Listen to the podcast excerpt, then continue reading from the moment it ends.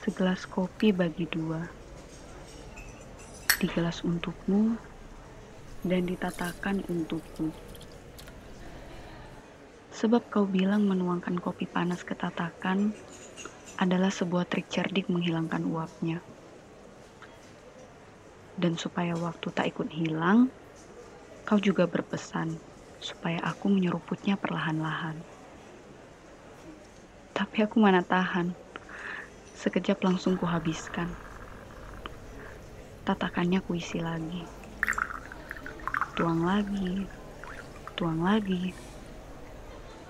Tanpa sadar, di gelas tinggal tersisa ampas.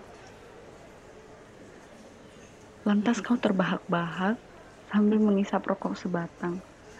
Sampai-sampai abunya berterbangan.